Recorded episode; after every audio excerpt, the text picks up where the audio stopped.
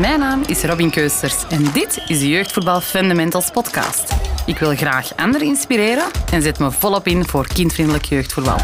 En als wij samen een positieve verandering kunnen teweegbrengen in de jeugdvoetbalwereld en een omgeving kunnen creëren waarin kind, plezier en respect centraal staan, dan is mijn missie geslaagd. Hallo beste luisteraar, welkom in onze podcast Jeugdvoetbal Fundamentals. Ik ben Robin, jullie host, en ik heb vandaag Mauro van der Looy bij mij. Welkom Mauro. Dankjewel. Mauro, jij bent auteur van het boek De trainer maakt het verschil en dat heeft mij getriggerd om jou uit te nodigen. Wat maakte dat jij dat boek hebt geschreven? Ja, wat maakte dat ik dat boek heb geschreven? Er zitten meerdere redenen achter, denk ik. Maar toen ik in het voetbal terecht kwam, toen studeerde ik uh, de, de master sport- en prestatiepsychologie. Dus dan leer je alles, of een heleboel dingen over presteren, leren, voor een groep staan, gesprekken voeren, mensen ja, eigenlijk helpen om het beste uit hunzelf te halen. En uh, ja, dan spreken we over tien jaar geleden. En toen was ik uh, echt een vreemde eend in de bijt. Want of je kwam in het voetbal als je ex-prof was, of als jij SIOS had gedaan. Dus echt een beroepsgerichte opleiding om bijvoorbeeld voetbaltrainer te worden. Dus je had een groep mensen die zo hadden van, ja, dat vinden we echt drie keer niks, Maro, jij komt te doen, want we kennen het niet. Of ja, we hebben er nooit van gehoord, of weet ik veel wat. Dus het is vaag, daar is de deur. En een groep mensen die zoiets had, hey, dat is wel interessant. Uh, dat, dat, dat, raakt wel, dat raakt wel iets in mij. En ook voor onze spelers, denk ik. En uh, ja, op basis daarvan ja, merkte ik dat er best wel wat clubs waren die vragen hadden op het vlak van hoe ga je nou om met je spelers? Hoe kun je ze nou motiveren? Hoe ga je dan communiceren met ze? Hoe zorg je dat ze hun best geven? Allemaal dat soort dingetjes die speelden. Dus ik, ik leerde dat er best wel behoefte was. En tegelijkertijd had ik ook de ervaring, want op een gegeven moment toen ben ik ook gaan werken bij PSV en later bij Willem II, ook als jeugdtrainer dus. En toen zag ik ook, nog los van het feit dat ik zelf niet alles uh, perfect doe natuurlijk, hè, maar ik zag om mij heen op toernooien, tijdens wedstrijden. Ja, zag ik af en toe hoe er met kinderen werd omgegaan. En uh, ja, dat, dat, ja dat, daar, had ik, had ik toch wel zoiets bij van... Oeh, zou die het nou echt leuk vinden en echt dingen leren daar? Terwijl als ik dan terugging naar mijn tijd als voetballer... en ik weet ook dat je daar altijd mee moet opletten... Uh, om, om dat soort dingen te zeggen van in mijn tijd... Maar ik heb echt een hele leuke en leerzame tijd op het voetbalveld gehad. En dat is wat ik elk kind gun. En ja, doordat ik merkte dat er behoefte aan was van uh, diverse clubs en trainers. En ik zag dat er ook winst te behalen was, dacht ik van ja, hoe ga ik dat nou voor elkaar krijgen dat, dat ik met iets effectiefs kom waar mensen echt iets aan hebben. Want wij hadden dan wel dat we werden uitgenodigd, ik en mijn compagnon Martijn Bauer, om dan te komen vertellen bij, uh, bij voetbalclubs. Maar dat was een avond, weet je wel. Dus dat vonden mensen vaak wel heel leuk. Dus achteraf kwamen dan altijd mensen, oh geweldig en inspirerend, et cetera. Maar ja, wij weten ook vanuit psychologie, één avondje zet niet heel veel zoden aan de dijk. Dus uh, nou, ik ben vervent boekenlezer. En toen dacht ik, nou, als ik nou een boek lees, dan kunnen mensen dat altijd teruglezen. Dan kunnen ze er altijd bij pakken. En dan kunnen ze eruit halen wat, wat voor hun ook werkt. Ja, en zo is eigenlijk dat boek tot stand gekomen. En ja, uiteindelijk om dus bij te dragen aan zo'n leuk en leerzaam mogelijke tijd voor zoveel mogelijk kinderen op het uh, sportveld. En ook voor een trainers natuurlijk. We hebben een gezamenlijke missie dan. Hè? Ja. Dat is toch ook wel de missie van de podcast. Ja. Dus dat is fijn om dan uh, die op twee totaal verschillende perspectieven samen te zien. Dus uh, ja. dankjewel voor uw komst ook alvast. Je zegt, de trainer maakt het verschil. Mm -hmm. hè? Dat is de titel van het boek. Um, is dat zo? ja. Of moeten ze dan maar het boek lezen? Ja, dat ligt natuurlijk ook een beetje aan wie het vraagt. Een van mijn voorbeelden als trainers, want toen ik begon als trainer had ik nog... Ik begon bij PSV en ik had geen... Als trainer u, of onder, is dat dan bij? Onder negen. Onder negen, ja. En ik had nog nooit een voetbaltraining gegeven. Dus ik had, ik had geen okay. ervaring als voetbaltrainer. Dus... En dan toch hebben ze u het vertrouwen gegeven om te starten. Ja, ja, precies. Ja, en dat komt ook omdat ze, destijds bij PSV vonden we het minstens zo belangrijk dat je iets wist van hoe je omgaat met kinderen in plaats van dat je alleen maar weet hoe je het voetbalspel kunt spelen. Want ja, je kunt dat wel allemaal weten, maar als je dat niet kunt overbrengen op kinderen, dan is het ook niet heel effectief. Dus ja, je hebt, je beide kanten nodig natuurlijk. Ik had de ene kant, uh, dus echt dat ik wist van hoe ik met kinderen kon om. Ik moest natuurlijk nog wel laten zien in de praktijk, uh, maar ik was erin opgeleid. En ja, ik had wel zelf ook altijd de ambitie gehad om profvoetballer te worden. Dus ik heb ook bij FC Eindhoven een opleiding gespeeld. Dus ik, ik sprak de taal wel. Hè, dus ik kon er ook wel in meekomen. Maar ik moest wel stappen erin zetten. En een van de voorbeelden die, ja, waar ik me aan vastgehouden heb, is, is bijvoorbeeld Louis van Gaal. Ik vind hem een van de beste Nederlandse trainers. Uh, of tenminste, hij, dat was hij, want hij is inmiddels ja, nou echt met pensioen, denk ik. En hij zei over, specifiek over ja, hoe, wat de invloed van de trainer is. Hij zegt, kijk, je moet je rol als trainer niet overschatten. Maar je hebt wel een bepaalde marge als trainer waarmee je wel echt een verschil kunt maken. En hij noemt dat 10%. He, dus hij zegt, in die 10% die je hebt als trainer, daar kun jij echt wel een verschil maken. En mijn ervaring uh, is dat ook zo. Dus ik geloof heel erg dat jij als trainer heel snel ervoor kunt zorgen dat iemand het uiterste uit zichzelf haalt of op zijn best presteert. Of aan de andere kant dat juist niet doet. Dat gaat veel sneller dan dat je iemand helemaal gaat ontwikkelen. Dat, dat die vaardigheden veel beter worden in het voetbalspelletje. Technisch, tactisch. Daar heb je veel meer tijd voor nodig. Maar je kunt in één week of misschien wel in één dag tijd ervoor zorgen dat iemand of maximaal kan presteren. Of helemaal niet maximaal presteert. Dus door, door de manier hoe je met diegene omgaat. Herken je jezelf daarin ook als kind zijn, als jeugdspeler zijn? Ja, tot, tot op zekere hoogte wel, denk ik. Want toen ik zelf bij FC Eindhoven een uh, opleiding speelde, toen was ik een jaar of 13, 14, 15. En er waren voor mij een aantal dingen waardoor ik mezelf ook heel veel druk oplegde. Dus ik denk iets van met mijn persoonlijkheid, hoe ik naar dingen keek. Eh, ik was een van de kleinere jongens uit het team. Dus ja, mijn beste positie waar ik zou spelen, uh, middenveld en liefst centraal, ja, daar, daar stond iemand die, die beter was dan ik. Want die was ook wat groter, wat fysieker. Um, dus ja, ik werd, uh, ik werd eigenlijk overal neergezet. En wat dat voor mij uh, betekende was dat ik, dat ik door al die, die factoren die meespeelden, ja, toch wel ging twijfelen ook aan mezelf. Van, kan ik het dan wel? En, en noem het dan maar op. En uh, dat hadden ze in principe wel in de smiezen. Dus ik werd wel bij destijds uh, Dragan Thijsens, was toen ook mental coach. Naast dat hij in het eerste elftal speelde.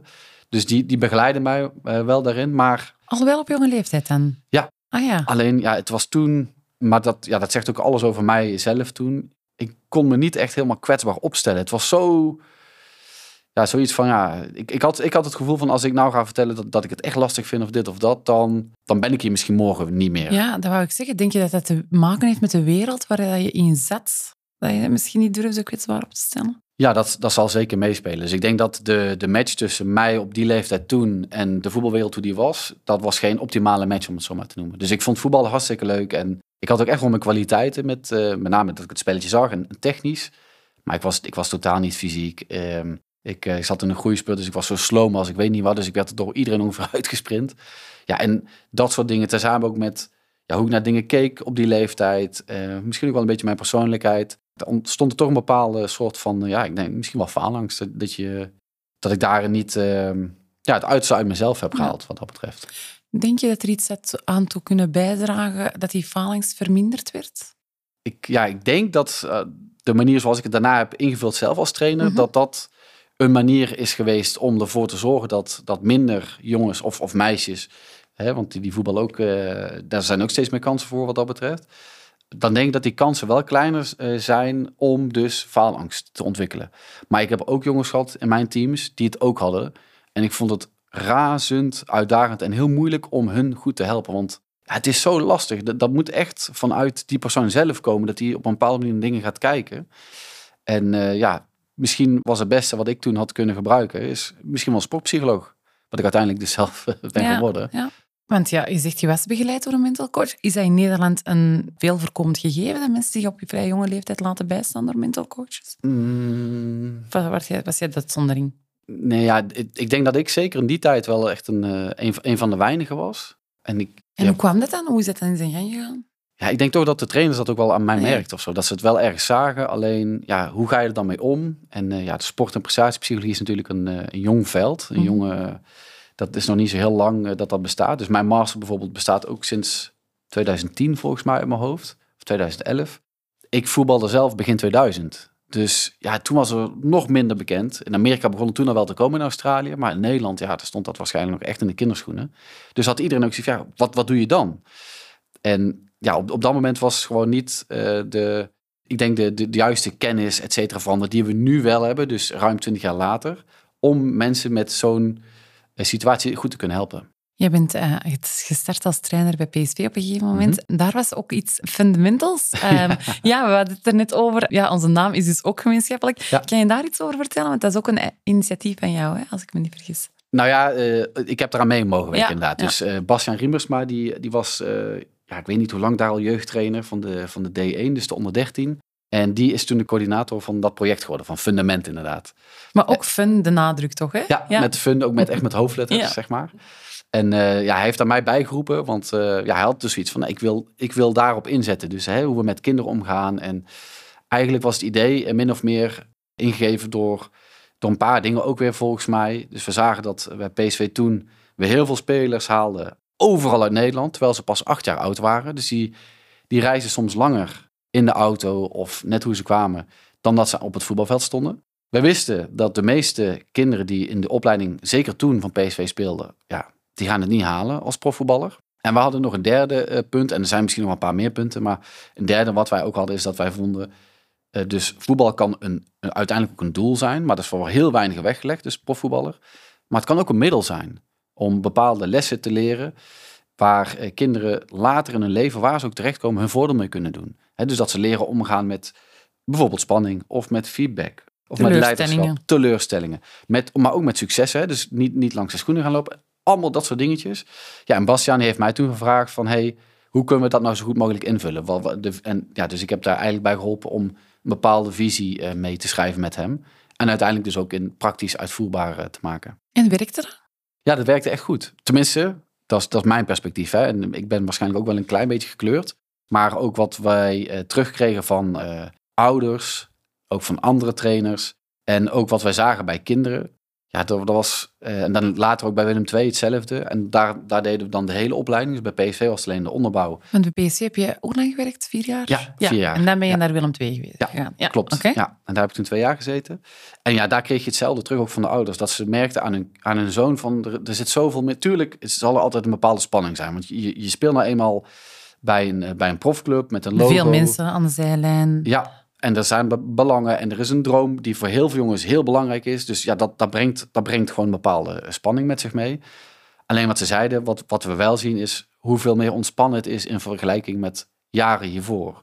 Want een aantal dingen die wij bijvoorbeeld deden, is eh, dat wij met name keken naar het welbevinden en betrokkenheid van, van de kinderen. He, want we waren ons bewust, we kunnen niet controleren welke jongens het gaan halen, want dat weten we niet. Je kunt wel een inschatting maken, maar echt het voorspellen, ja, dat, is bijna niet te doen. Dus wij hadden zoiets van, we willen daarom inzetten op zoveel mogelijk kansen voor zoveel mogelijk kinderen. Want uiteindelijk is het gewoon een numbers game. Als je gaat, ook gaat kijken naar wie de wereldkampioenen zijn, zijn het vaak de landen die meest wereldkampioen zijn met gewoon veel inwoners. En die ook echt sport, voetbal als sport nummer één hebben in hun land, zeg maar. En um, ja, dus, dus wij hadden zoiets van, wij willen gewoon kinderen die hier komen, dat wij in de buurt bij ze zitten. Dus niet meer dat ze langer hoeven te reizen dan ze op het voetbalveld staan. Dus hebben we samenwerking gezocht met andere clubs in de buurt van waar die kinderen dan woonden. Tot aan dat we heel erg bezig waren met, oké, hoe gaan we dan met ze om? Hoe zorgen we dat we dat welbevinden en die betrokkenheid, dat we die uh, zo hoog mogelijk krijgen? Want als die hoog zijn, dan gaat ontwikkeling en, en dan gaan daarna ook prestaties en resultaten, die gaan dan als logisch gevolg, als het goed is, komen. En daar hebben we natuurlijk wel onze lessen in te leren. Uh, dus ook aan de andere kant met hoe je dan wil voetballen, et cetera. Ja, dat is wat je nu ook weer ziet, uh, bijvoorbeeld bij um, PSV, bij Peter Bos. Wat je heel veel spelers hoort roepen, het is heel duidelijk. Hij is super duidelijk in wat hij wil. Dus dat is ook heel belangrijk, dat je aan de ene kant dus op een bepaalde manier om kunt gaan met spelers. En ik denk dat de verbinding tussen die twee velden eigenlijk is. Dus hoe je omgaat met kinderen en het, het voetbalspelletje, die duidelijkheid. Als je die hebt, dan speel je zowel in op bepaalde drives die we allemaal hebben, van voorspelbaarheid, veiligheid, waar we allemaal, allemaal behoefte aan hebben. En aan de andere kant het voetbalspelletje. Ja, als dat helder en duidelijk is wat iedereen taak en rol is en hoe we willen spelen, ja, dan, dan kun je daar ook mensen in gaan zetten op hun kwaliteiten. Start die duidelijkheid van de trainer of vanuit de club? Idealiter vanuit de club. En dat je dan daarna gaat kijken, oké, welke trainers passen er dan bij ons? Dus als je zegt van, uh, ja, het, het, hele simpele voorbeeld. Pep Guardiola, maar ook Peter Bos of een Erik ten Hag. Uh, ja, er zijn nog een paar die, die willen graag de bal en die willen met basis naar de overkant komen, zeg maar. Je hebt ook uh, trainers, wat meer Diego Simeone-achtig van Atletico Madrid. Nou, die zijn meer bezig met vanuit de reactie. Of uh, Carlo Ancelotti bij Real Madrid, min of meer een beetje hetzelfde. Dat zijn twee totaal verschillende manieren van spelen. Dus op het moment dat jij zegt van wij kiezen voor één manier als club, dan is het, lijkt mij, zeker als je dat bij het eerste vraagt, dat wil je liefst natuurlijk ook dan in de jeugd doortrekken, zodat spelers voorbereid zijn als ze het eerste halen, dat ze weten, oké, wat wordt er van ons verwacht? Dat ze eigenlijk, alles blijft hetzelfde, behalve het niveau. Dus dat het niveau uh, anders is en natuurlijk ook wel in spelen in stadions, et cetera. Maar de rest is dan in principe gelijk. Dan wordt het veel makkelijker om door te stromen, lijkt mij, dan als je de ene keer dit hebt gehad, de andere keer zus, dan weer zo. Want ja, je wil ook een bepaalde kwaliteiten ontwikkelen bij spelers. En ik snap ook wel dat je af en toe wel iets anders kan doen in opleiding. Of dat je expres voor kiest om net even dit of dat te doen. Maar je wil de spelers wel een bepaalde ja, kwaliteit gaan ontdekken bij zichzelf. En hoe ze die kunnen inzetten. En daar helpt denk ik wel bij als je op een bepaalde manier speelt. Dus idealiter is de jeugdopleiding toch een... Ja, heeft het dezelfde waarde bijvoorbeeld als de, de hoofdopleiding, op de, het hoofdelftal? Of heeft dat toch twee aparte zaken? Ja, je, ziet, je ziet in het voetbal dat vaak twee aparte zaken ja, zijn. Maar idealiter zeg je toch? Maar idealiter wel. Ja. En ik denk ook dat je dat ziet bij clubs die dat goed op een rijtje hebben. Die dus dat echt min of meer gesynchroniseerd hebben. Ja. En natuurlijk zullen er altijd her en der wel wat verschillen zitten. Maar dan zie je ook dat de doorstroom omhoog gaat. Omdat het dan gemakkelijker wordt. En wordt daar eigenlijk vanuit de club bij een recrutering van trainers gevraagd naar ambities of naar cultuur van wat wil een trainer zelf? Jazeker. Oké, Ja. Ja, daar begint het dan eigenlijk. Ja. Als je trainers wilt recruteren in dezelfde filosofie. Ja, ja en, en, en wat je dan dus vaak hoort, en dat zal niet voor iedere trainer zo zijn, maar wat je dan vaak hoort, is dat trainers toch wel graag naar het eerste elftal willen. Ja, Dus die zien dan jeugd ook echt een manier om, om op te klimmen. Zo is het natuurlijk niet voor elke trainer. Maar ja, daar zit, dat, en dat is ook weer ergens logisch, want je wil jezelf natuurlijk ook uitdagen en kijken hoe hoog dat jij kunt komen met de kwaliteit die je hebt als trainer. Alleen ja, dat is ook wat Johan Cruijff zei, het, het grootste gevaar van de jeugdopleiding is een jeugdtrainer. Want als die inderdaad naar boven wil, hoe kom je naar boven? Dat ligt er ook maar net aan natuurlijk een beetje wat de cultuur is bij de club. Maar wat veel mensen eh, dan eh, als invulling geven, is van, ja, als jij dan wedstrijden wint, dan is de kans groot dat je een goede trainer bent. En dan, nou, dan moeten we jou naar boven gaan halen. ja, zo is het toch wel vaak, hè? Ja, Dat het systeem, in, allee, dat het systeem dat in de hand werkt en dat er daardoor toch ook wel vaak op resultaten Ja. wordt gecoacht in plaats van op het, op het proces. Ja. Heb je dat zelf als trainer ervaren? Ja zeker. Ja. Ja, dat, eh, dat, zag je, dat zag je heel vaak. Dat, eh, en ook dat je dacht eh, bij trainers van, nou, die, volgens mij zitten die wel echt heel, heel goed erin. Die hebben goed nagedacht over alles. En dan op zaterdag, dan speel je tegen elkaar en dan zie je alles wat je me eigenlijk verteld hebt eerder of zo, dat, dat zie je nu op zaterdag niet Hmm. helemaal terugkomen. Ja. En, en ergens is dat ook weer logisch, hè, want wat je ook zegt van ja, ehm, je ziet het toch wel vaak terugkomen. Omdat als je dus het eerste elftal als uitgangspunt neemt en je gaat eh, daarvan uit, dan kan het zijn dat je dingen gaat eh, kopiëren die daar belangrijk zijn. En dat ga je inzetten in de jeugd. En wat bij het eerste elftal telt, is resultaat, winnen. Want daar gaat het gewoon om de knikkers De en om het geld. Alleen de vraag is, werkt dat het beste in het opleiden van kinderen en ook van je trainers om dan hetzelfde te vragen van je jeugdspelers en die kader, et cetera, als wat je bij een eerste elftal vraagt? En ik denk van niet. Daarnet, of in een vorige aflevering, zeiden we nog van ja, eigenlijk zou de trainer van U6 evenveel geld moeten verdienen als een trainer van U16, want dan gaat dat systeem minder in de hand werken, Mhm. mogelijk. Zie, zie je dat als oplossing? Dat zou zeker kunnen. En sterker nog, ik heb wel eens, toen ik, eh, dat, is, dat is me altijd bijgebleven. Toen ik, toen ik ging eh, voor die master, was er een eh, beperkt aantal inschrijfplaatsen. Dus wat belangrijk was, is dat je, dat je echt liet zien van, oké, ik wil die master graag doen. En dat je bepaalde affiniteit had, et cetera. En ik woonde toen destijds in Utrecht. En een huisnoot van mij, die, die vader, die zat bij Kampong. Dat is een grote voetbalvereniging, maar ook een grote hockeyclub. Dus ik ging bij die hockeyclub ging kijken of ik daar dan naast mijn master daar training kon geven. Want ja, dat sloot natuurlijk goed aan bij die master. En dat was heel grappig. Toen wilden zij mij op de onder 19 3 zetten. En ik had wel wat verstand van hockey, maar niet heel veel. Dus ik zei, Hè, maar ho- hoezo zetten jullie mij bij die leeftijd? Want die weten heel veel ervan, et cetera. En toen zeiden ze mij, jij bent nog niet zo competent als trainer. Dat, dat, dat, dat snappen we. En dat, dat weten we. En dat is ook helemaal niet erg, want we zijn hartstikke blij met trainers. Alleen, ja, wij willen natuurlijk ook opleiden voor ons eerste elftal, voor ons heren 1. Dus als wij jou gaan neerzetten bij de jongste jeugd, eigenlijk was een beetje damage control wat zij deden. Want min of meer wat ze zeiden is, als wij jou bij de jongste jeugd neerzetten, ja, wanneer hebben spelers een grotere kans om de heren 1 te bereiken? Als ze in de onder 19 zitten, die leeftijd hebben, of als ze 8, 9, 10 jaar oud zijn. Dus dat tweede, want dan, dan hebben ze een hele, hele ontwikkeling nog voor zich. Dus zij zeiden, ja, als jij dus bij de onder 19 gewoon begint, dan zijn vaak toch jongens die gaan heren 1 niet meer halen. Kun jij het, het vak leren, et cetera. Eigenlijk gewoon zo min of meer damage control. En als je dus die filosofie volgt, dan zou je dus kunnen zeggen dat eigenlijk de belangrijkste fase in het ontwikkelen van, van kinderen is misschien wel de jongste fase. En waar vaak minste aandacht aan wordt gegeven. Ja. Of tenminste, ja, daar, daar, daar wordt over het algemeen niet het meeste voor betaald. Nee, Dus Nee, die ja, ja, en wat dat, is, dat kan ja. ook een reden zijn voor trainers om hoger op te willen. Hè? Dat je financieel dat ook eh, dan ja, beter eh, voor elkaar hebt, om het zo maar te zeggen. Hoe belangrijk vind jij communicatieskills van een trainer? Ja, ik denk dat dat wel heel, eh, heel belangrijk is.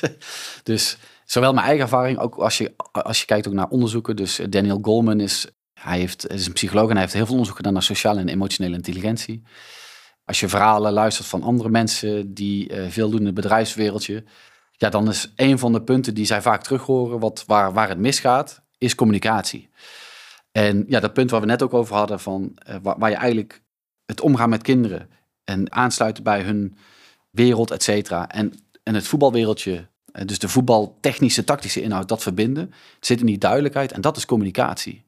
Dus op het moment dat jij kunt rekening houden met, oké, waar zijn ze nu naar op zoek? Wat kunnen ze nu wel en wat kunnen ze nu niet? Dus hoe lang kunnen ze een aandacht erbij houden? Wat kan ik al wel van ze vragen? Wat kan ik nog niet van ze vragen? Dus ook inhoudelijk. En in hoeverre kan ik duidelijk zijn naar ze? Dus dat ze helder hebben wat het doel is voor vandaag, of voor de training, of voor de wedstrijd, en wat hun rol erin is. En hoe wij dat dan samen met iedereen met een eigen rol dat gaan bereiken. Als je dat voor elkaar kunt krijgen, dan ga je merken, dat is in ieder geval mijn ervaring geweest, maar dat hoor ik dus ook bij, bij uh, andere trainers. En vanuit de literatuur wordt dat dus ook uh, zo gezegd. Is dat super belangrijk om mensen mee te krijgen. Het geloof dat ze het kunnen. Uh, er ook aan willen werken, dus die motivatie.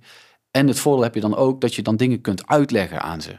He, dus een van de dingen die, wat je nu ook veel hoort over Peter Bos. Ja, ik noem hem nu een paar keer, want zij staan natuurlijk bovenaan met, met in Nederland. En wat ze bijna allemaal roepen over hem, wat in de media verschijnt. En ik weet ook wel, het is niet, niet altijd klopt dat, wat in de media verschijnt. Maar ze roepen bijna allemaal, hij is zo sterk communicatief en hij legt uit waarom je wel of waarom je niet speelt. Super belangrijk. Want als je dat niet uitlegt, dan, en dat is natuurlijk iets wat, wat veel trainers vaak doen. Ja, waarom zou ik het uitleggen? Ik ben ze niks van. Ik ben geen, ik, en die snap ik ergens ook. Alleen het risico wat kan ontstaan is als je het bij anderen laat liggen. En dat heb je ook met ouders. Als je ouders niet meeneemt in wat je doet. En dat doen we allemaal. Dus als, we, als het onzeker is, dan gaan we het zelf invullen. En onze hersenen zijn ingesteld op meer negativiteit dan positiviteit. Uh, ja, dat heeft weer te maken met overleven en voorplanten, noem het dan maar op. Dus de kans is dan groot dat mensen het negatief gaan invullen. Oh, dan zal ik wel niet goed genoeg zijn. Of, oh, dan heeft de trainer iets tegen mij. Of dan heeft de trainer iets tegen mijn zoontje. Of dan wil hij niet de best uit mijn zoontje halen. En als je dat soort dingen gaat krijgen, dan ontstaan er dus problemen die je één liever niet wilt. Maar dat kost tijd en energie. En anderzijds, als je daar niet van bewust bent, dan gaat het onder de radar gaat het spelen. Waardoor je dus niet het, maximale uit de mensen gaat halen met wie je werkt. Dus die communicatie is echt heel belangrijk. En wordt daar in de opleiding in Nederland voldoende aandacht aan gegeven als je trainer wilt worden? uh, ja, van wat ik veel hoor van, van trainers, als je dan uh, kijkt naar de cursussen die er zijn voor trainers om zichzelf te ontwikkelen, dan krijg ik bijna stevast terug uh, als wij worden gevraagd door een club om wat te vertellen. Dus een inspiratiesessie met, met het boek, zeg maar. Hebben we een keer of tien gedaan nu inmiddels dan hoor je bijna altijd van trainers die ook de KVB-cursus gedaan hebben. Van, ja, waarom krijgen we dit niet op een KVB-cursus? Ja, ik wist niet hoe dat in Nederland was, daarom de vraag natuurlijk. volgens mij is het in België nee, nee, het is meer hetzelfde. Ja, nou, die feedback want, kreeg ik ook. Maar. Want dat af en toe dan, uh, hebben we ook wel eens met Belgische trainers die dan ook zeggen, ja, en uh, op, op, zich snap ik het ook, want het, het, gaat om het voetballen, dus dat moet je goed weten. En dat is alleen dat is één kant van het verhaal. Dus dat je het spelletje snapt, dat je het kunt zien, super belangrijk. Want dan kun je dus helpen om mensen ook in hun kracht te zetten of om de juiste positie te zetten. Of dan kun je zien hoe je dan het team of spelers individueel kunt helpen. Super belangrijk. Alleen de andere kant, je moet het wel kunnen overdragen. En dat mensen daar ook voor openstaan. Dus dat zij ook willen horen van, oké, ik was niet goed genoeg. Dat krijg je nu van de trainer te horen. Ja, wat ga ik er nu mee doen?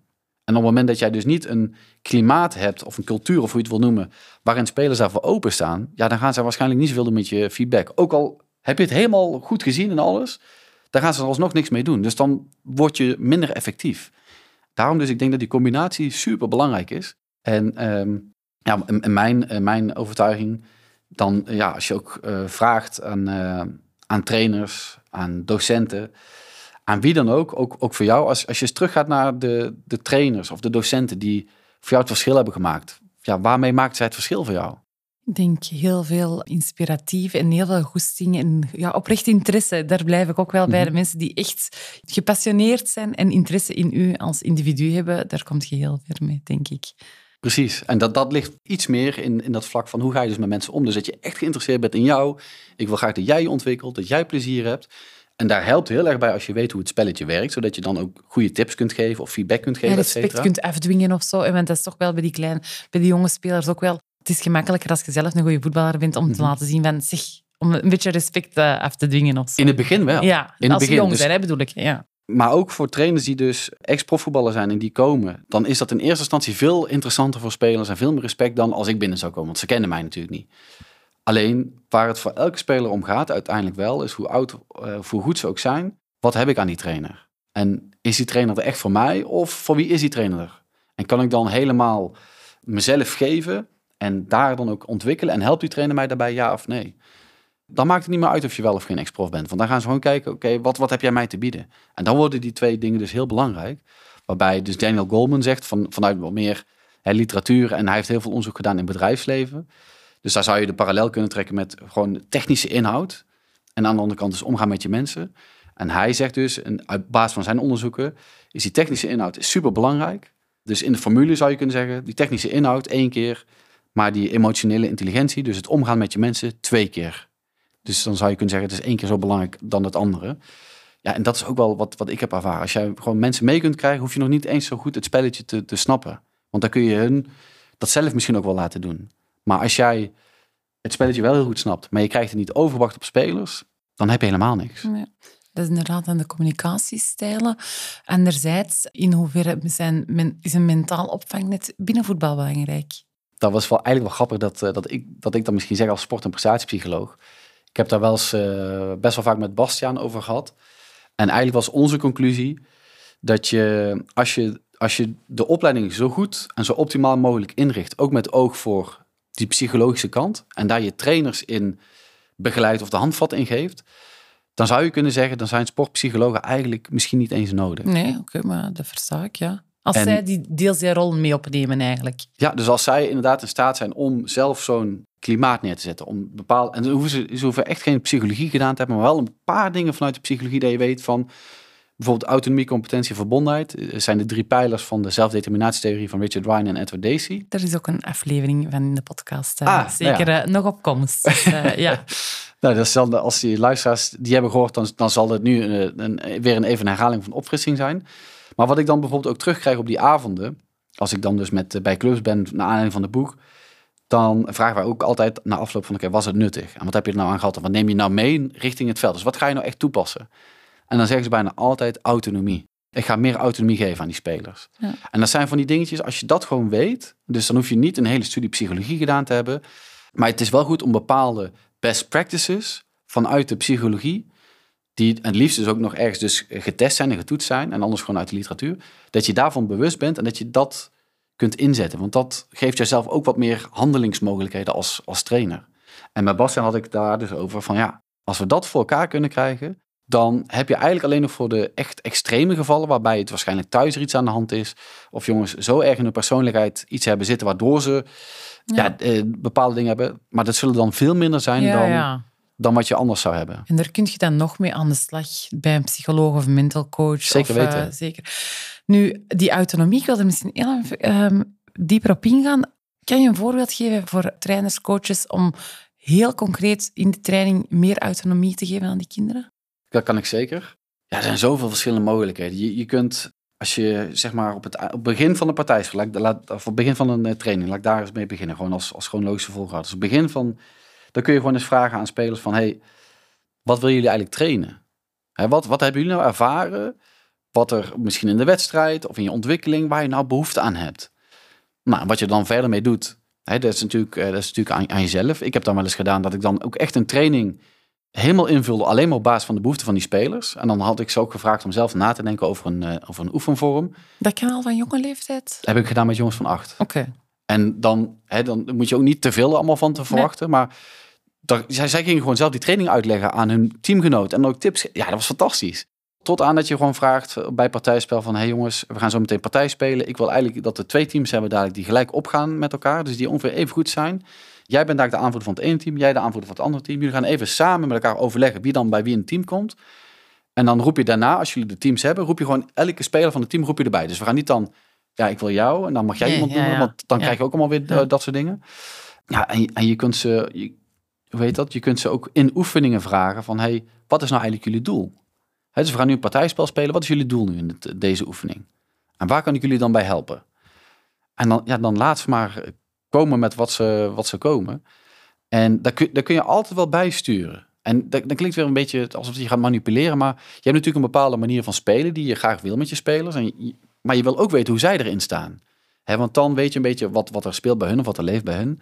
En ik snap ook wel bij kinderen die 8, 9, 10 zijn.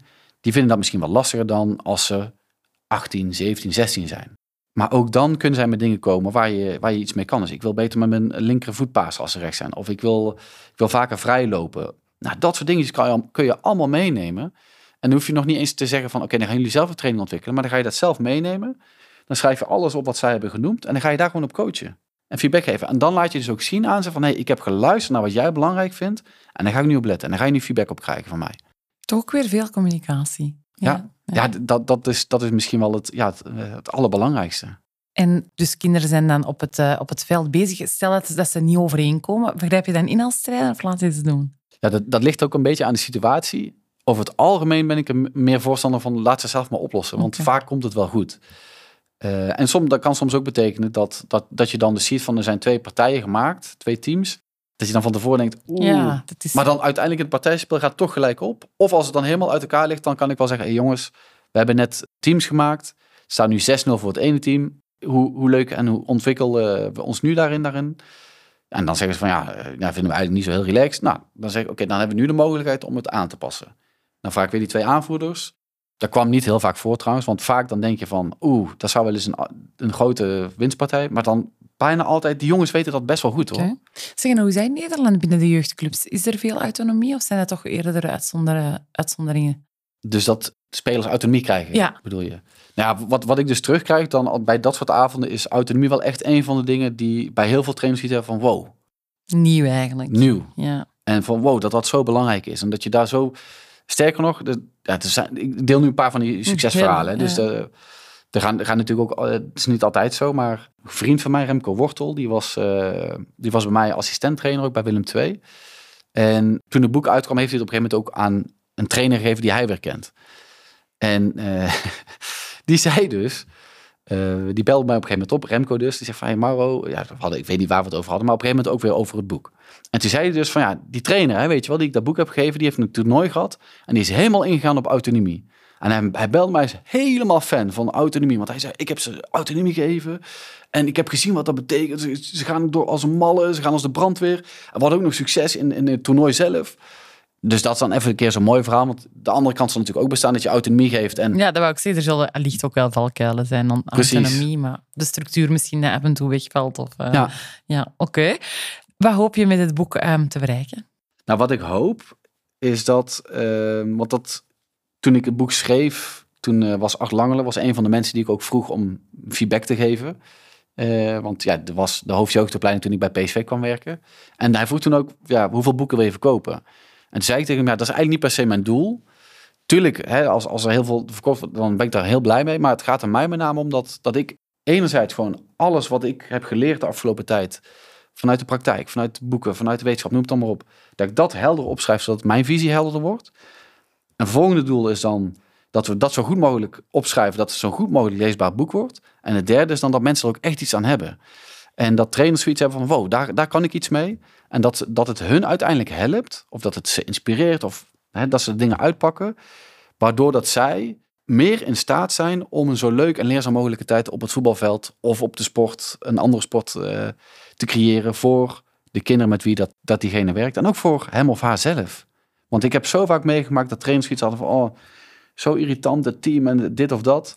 Terwijl als je dan een paar kleine dingetjes aanpast, dan gaan, dan gaan ze hartstikke, dan, dan luisteren ze veel beter. En dan gaan ze, daar komt het veel meer vanuit de kinderen zelf in plaats van dat jij continu moet roepen, et cetera. Dus dan kost het jou minder energie. En dan ga je veel meer plezier en ontwikkeling zien. En dat is, ja, dat, dat, dat is het mooiste. Dus ik heb liever, dus daar zei ik toen ook tegen Art van, ik heb liever dat ik dan, weet ik veel, laten we zeggen 5000 boeken verkoop, waarvan 4990 mensen zeggen, fantastisch, ik heb er iets aan gehad. Dan dat ik er 100.000 verkoop en dat ook nog steeds 4500 of 4990 mensen zeggen, ik heb er iets aan gehad. Want dat betekent dat de meerderheid er geen zak aan heeft gehad. En daar, daar is het boek niet voor bedoeld. Het is echt bedoeld voor mensen om dus ja, bekwamer te worden in het omgaan met spelers op een sportveld. En dan met name dus bekwamer in hoe je met ze omgaat. Dus die psychologische kant. Is het boek handig voor alle niveaus? Ja, zeker. Ja, dus, dus, van elite uh, naar IP. Ja, ja dus in het boek staan ook voorbeelden van mijn tijd bij PSV, bij Willem II, maar ook daarna bij DBS. Dus heb ik een, ook een jaar bij de, bij de onder 19 geweest. Dus dat is gewoon een, ja, een, een amateurniveau. Maar dezelfde principes komen terug. Ja, ja, wil een kind van nee, want dat was ook een vraag. Wil een kind, uh, zit er ook verschil tussen leeftijden? Natuurlijk in de inhoud, hè, dus wat je kunt vragen. Van eh, geef eens een paas over 40 meter bijvoorbeeld. Ja, dat, dat ga je pas vragen als kinderen wat ouder zijn over het algemeen. Maar elk kind wil plezier hebben op het voetbalveld. Elk kind wil erbij horen op het voetbalveld. Elk kind wil serieus genomen worden op het voetbalveld. Er zijn universele dingen die voor iedereen gelden. En de toepassing daarvan kan net wel iets anders zijn. Maar als je dan wel een bepaald framework hebt. Dus die zelfdeterminatietheorie van Ryan en Daisy. Ik ben er, ja, dat is echt een van mijn uh, pilaren, zeg maar, van waaruit ik dingen doe. Ja, dat helpt zo erg om daaraan bij te dragen dat er plezier is, dat er ontwikkeling is. En dat er dan uiteindelijk ook prestaties en resultaten komen. Wat zijn de reacties op het boek? De, de, de reacties die ik krijg zijn natuurlijk altijd de extreme. En, tot nu toe alleen de, de positieve extreme. Okay. Dus ja, ik denk dat ik inmiddels ja, rond de 100 berichten heb gehad op, op social oh. media van, um, van trainers in het voetbal, maar ook van trainers in andere sporten, van uh, docenten, van managers in het bedrijfsleven tot aan managers in de zorg. Dus ook wel allerlei mensen uit alle walks of life die zeggen van ja, dit is echt, ik heb er zoveel aan gehad en dat soms ook trainers dan casussen met mij gaan bespreken. Dat vind ik ook hartstikke leuk om te doen. Dus als ik daar de tijd voor heb, dan, dan ga ik er ook op in en dan, dan help ik ze om, om de vertalingsslag te maken van, van het boek naar hun praktijk. Ja, en het mooiste is dan gewoon dat zij dan echt merken van het werkt. Of ik krijg meer plezier met die groep. Of ik zie dat ze zich ontwikkelen. Of ik sta er rustiger langs de kant. Of relaxer langs de kant. En ik heb zelfs één keer meegemaakt dat een trainer... dat hij tegen mij zei, Mauro, ik heb je boek gelezen en ik ben gestopt als trainer. Dus ik, uh, ik was even zo van, oké. En uh, ja, dat had ermee te maken dat, uh, dat voor die trainer, die, die had het gelezen. En die zei van, dat is eigenlijk ook wel hoe ik het wil doen. Alleen op het veld kreeg je dat niet voor elkaar. Dus die, had, die was iets te veel met het eerste elftal, zeg maar, gekopieerd naar de praktijk. En die zei van ja, dus ik moet daar gewoon niet meer doen. Ik krijg dat gewoon niet voor elkaar om dat op een goede manier te doen. En dan moet iemand anders maar trainer zijn. Dus ja, dat, knap, hè? Ja. Dat, vond, dat vond ik ook echt heel, uh, ja. heel bijzonder. En ook heel, ja, heel, hoe zeg je dat? Heel sterk ook wel ja, voor iemand. Ja, heel sterk, ja. Om te horen. Heb je nog plannen met het boek? Uh, heb ik nog plannen met het boek? Ja, ik, ja wij, wij doen qua marketing niet zoveel. Dus in, in Nederland en België, uh, waar het nu met name het, verkocht wordt, is het echt gewoon ja, de mond-tot-mond reclame. En uh, ja, dat is voor mij helemaal prima. Want zoals ik al zei, ik, ja, ik hoef er niet tien of honderdduizenden van te verkopen. Dat is natuurlijk wel leuk, maar ja, mond-tot-mond reclame is eigenlijk de beste, beste manier. Want dan hebben mensen echt er iets aan. maar over anderhalve week komt The Coach Makes the Difference uit. Wereldwijd via Amazon. Dat is wel echt vet. Dus, het boek wordt vertaald. Ja, het is al vertaald. Het ligt al helemaal klaar. En um, ja, vanaf 18 december kunnen mensen het wereldwijd kopen. En dan is het dus natuurlijk in het Engels.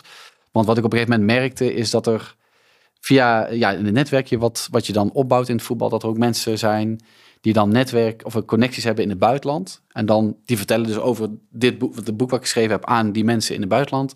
En die zegt, ja, is het dan ook in, of in, het Engels eh, te verkrijgen? Dus ja, daar kreeg ik een aantal berichtjes van binnen. En toen op een gegeven moment ben ik gaan denken van ja, Waarom zou ik het niet ook gewoon inderdaad in het Engels doen? Want in Nederland loopt het heel goed. Maar uitgever is heel blij met hoe het loopt. Dus uh, ja, en ik hou wel van avontuur en een beetje spanning. Mooie vooruitzichten. Dus uh, ja, zodoende is, is nou ook het Engels. Ja, nee, heel vet. Dus waar, waar ik, wat ik echt dan gaaf vind, want dat heb ik ook wel echt geleerd door de jaren heen. Om, dus ik kan nu heel anders omgaan met die spanning, et cetera, dan toen ik uh, jonger was. Dus, dus ik ben ook het levende bewijs dat je dus psychologisch ook stappen kunt zetten, zeg maar. Dus wat, wat ik ook heel leuk vind, is om mensen te benaderen om dan het boek te lezen en wat ze dan van vinden. En wat ik, echt, wat ik echt gaaf vind is dat in Nederland heeft bijvoorbeeld Louis Vergaal een boek ook. Dus daar ben ik nog steeds van een afwachting van wat hij ervan vindt. Bij uh, deze een oproep. Moest hij luisteren. ja. Uh, ja, anders kan ik hem nog altijd een, eh, een berichtje sturen. Want we, ja, we hebben elkaars contactgegevens. Hmm. Maar, um, maar in, in, in, wereldwijd, zeg maar, wat ik echt gaaf vind, is dat uh, de zelfdeterminatietheorie hebben we een paar keer besproken. Richard Ryan en Edward Dacey zijn de grondleggers daarvan. Ik heb ze allebei benaderd. Nou, Edward Dacey gaf aan, ik heb er geen tijd voor. Maar Richard Ryan, die heeft nu het boek uh, onderweg naar zich in Amerika om het te lezen. En dan ook te laten weten wat hij ervan vindt. Amai. En dat soort dingen, dat, dat vind ik dan heel erg leuk. Om te, lu te luisteren naar, oké, okay, wat vindt nou zo iemand die dus echt aan de basis staat van die theorie die, die ik zoveel gebruikt heb. Wat vindt hij er nou van uh, als hij het leest? Mooi hè? Ja. Heb je nog persoonlijke ambities? Ja wat, uh, wat, ja, wat ik nu doe, ik zit nu bij Fontes in, uh, in Eindhoven, de toegepaste psychologie en HRM-opleiding. Hartstikke leuk. Dus ja, psychologie is echt mijn, mijn ding. Dus wat mijn persoonlijke ambitie is, uh, of filosofie, hoe je het wil noemen, is mensen helpen vaak op hun beste zijn door het delen van inzicht uit de psychologie. En wat ik nu veel doe, is ja, dus lesgeven op de Fontes dan natuurlijk. Uh, ook sport- en prestatiepsychologie uh, hebben we minor waar ik dan les in geef. Hartstikke leuk. Eh, maar ook daarnaast met Martijn Bauer. Hebben wij dus de coachingsbureau Bauer van der Looy. Dus wij coachen mensen. Dat vind ik echt hartstikke leuk om te doen. Mensen, sportmensen of niet per se sportmensen? Ik heb zowel trainers, hoe zeg je dat, sporters, docenten.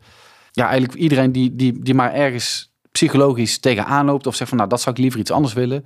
Dus wat ik veel zie is, zijn eigenlijk ja, mensen die een beetje met dezelfde kampen, kampen als waar ik mee kampte. Dus spanning, daar niet zo goed mee kunnen omgaan of faalangst. En daarnaast ja natuurlijk gewoon workshops, et cetera. En ja, ik heb, ik heb wel ook zoiets van uh, toch wel wat ideeën, want ik lees heel veel boeken, ik luister heel veel podcasts. Uh, om ja, toch wel weer twee boeken te gaan schrijven. Okay. Dat zit nu in mijn hoofd. Dus één, okay. Één echt meer voor mensen die willen presteren. Van een soort van handboek hoe je tot prestaties kunt komen. En een andere uh, is, ja, het is eigenlijk gewoon een soort meer een legacy voor, voor mijn zoontjes. Uh, want je hebt van die boekjes, weet je wel, dat je aan, aan grootouders kunt geven, waarin zij dan kunnen opschrijven hoe zij dingen hebben ervaren. Ja, ja. Zodat als uh, de, de kleinkinderen dan oud genoeg zijn, ja. dat ze een boekje, boekje kunnen lezen. Nou, zoiets wil ik dan maken, alleen op basis van wat ik geleerd heb vanuit de psychologie. Tien inzichten of zo, waar zij hopelijk dan hun voordeel mee kunnen doen om... Wow. Ja, Het is helemaal anders wel. Ja, dus echt wat, wat breder. Ja, en je zei, je luistert ook vaak naar podcasts. Ja. Um, welke podcasts zijn het dan? Nou ja, recent ook naar deze. Ah, ja. ook een beetje ter voorbereiding. Maar, ja. uh, dus, um, dus ja, dat, dat vind ik heel erg leuk om te horen. En ook omdat we natuurlijk dezelfde min of meer de missie uh, hebben. En wat ik heel veel luister zijn met name uh, Engelse podcasts. Dus ja, een paar favoriete podcasts van mij is Finding Masteries van Dr. Michael Gervais. Sportpsycholoog uit Amerika. Fantastisch. High Performance Podcast is van um, Jake Humphries en Damien Hughes, als ik het goed zeg. Zijn twee, jongen, twee mannen uit, uit Londen, of, uit Engeland moet ik zeggen. Super gaaf, dus het is een beetje hetzelfde, ook een beetje sportpsychologisch. Dan heb je Diary of a CEO, ook uit Engeland, van Stephen Bartlett. En ja, die krijgt ook allemaal mensen van verschillende walks of life. En dan de laatste is Modern Wisdom podcast, vind ik ook echt super vet. En dat is van Chris Williamson. En ja, die, die, die, die heeft er heel breed. Dus dat is eigenlijk min of meer wat daar besproken wordt, is min of meer ook wat dan in zo'n zo laatste, of in zo'n laatste, in dat tweede boek zou kunnen komen. Oké, okay, mooi. Ja, ik dacht, dat is misschien wel handig voor de luisteraars om ja. uh, breder nog uh, in contact te komen met podcasts. Er is al heel veel gezegd. Zijn er zaken dat jij zelf nog graag in de picture wilt zetten? Um, zijn er zaken die ik zelf nog graag in de picture wil zetten? Ja, ik zag in de voorbereidingsformulier had je ook een vraag iets over perfectionisme mm -hmm. staan.